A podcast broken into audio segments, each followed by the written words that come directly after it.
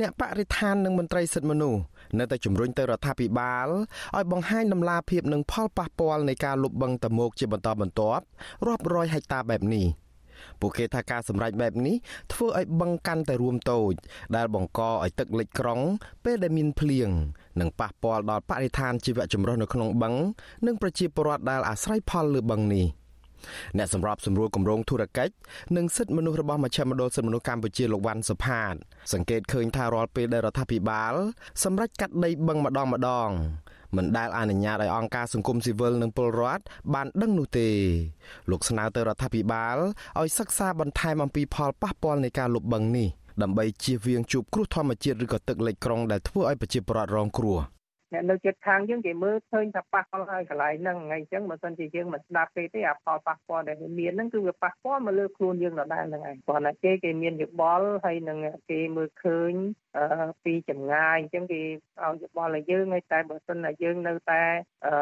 បន្តធ្វើតទៅទៀតដល់ប៉ះពាល់ផ្ទាល់គឺបាទប្រជាពលរដ្ឋខ្មែរ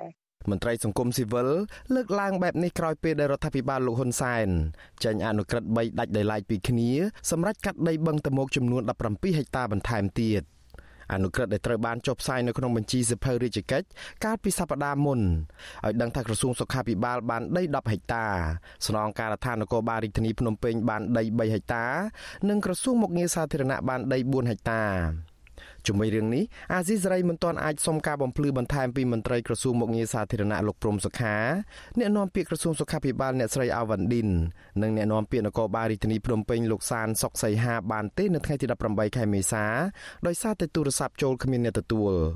រីឯអ្នកនាំពាក្យរដ្ឋាភិបាលលោកផៃស៊ីផានឲ្យអាស៊ីសេរីដឹងថាលោកមិនដឹងលម្អិតអំពីរឿងនេះទេក៏ប៉ុន្តែលោកយល់ថារដ្ឋកាត់ដីរដ្ឋផ្ដាល់ឲ្យស្ថាប័នរបស់រដ្ឋដើម្បីប្រើប្រាស់មិនមែនជារឿងខុសទាស់អីនោះទេអ្នកនាំពាក្យដដែលរូបនេះប្រាប់ថាតាមគោលការណ៍មុនពេលដែលរដ្ឋាភិបាលសម្រេចអ្វីមួយ គឺមានស្ថាប័នជំនាញពិនិត្យពីផលប៉ះពាល់ត្រឹមត្រូវ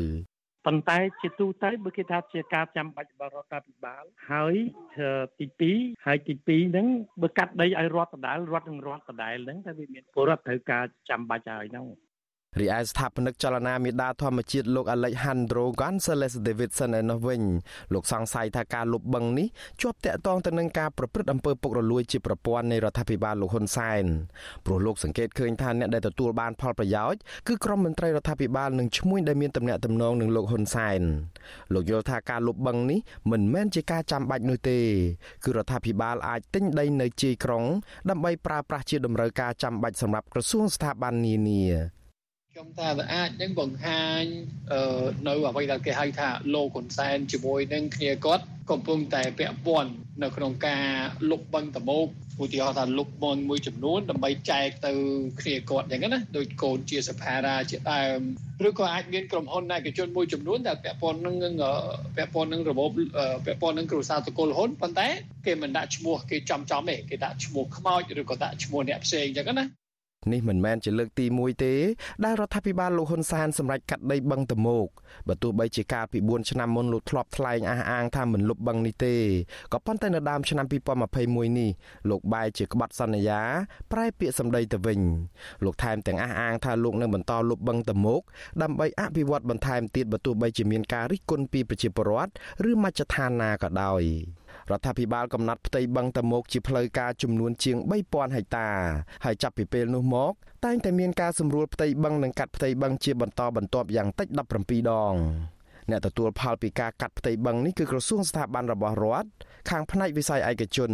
និងឈ្មួញដែលមានទំនាក់ទំនងនឹងរដ្ឋាភិបាលនៅក្នុងនោះដូចជាកូនស្រីលោកជាសភារាអ្នកស្រីជាសុផាម៉ាដែនទទួលបានដីជាង10ហិកតាអ្នកស្រីសុយសុផានម្ចាស់ក្រុមហ៊ុនផានីមិចល្បីខាងរំលោភដីប្រជាពលរដ្ឋដែលទៅបនឹងទទួលមរណភាពទទួលបានដីជិត45ហិកតា និងមនុស្សសំខាន់សំខាន់មួយចំនួនទៀត កាលពីសប្តាហ៍មុនចលនាមេដាធម្មជាតិរកឃើញថាផ្ទៃបឹងតមោកជាង750ហិកតាត្រូវបានលុបនៅក្នុងនោះផ្ទៃបឹងប្រមាណ336ហិកតាត្រូវបានប្រគល់ឲ្យឯកជនជាអ្នកកាន់កាប់ដើម្បីពុះជ្រៀកធ្វើជាដីឡូឬក៏សាងសង់បរិយាលក់ខ្ញុំបាទមួងណារ៉េត With you Aziz Ray ប្រធានាធិបតី Washington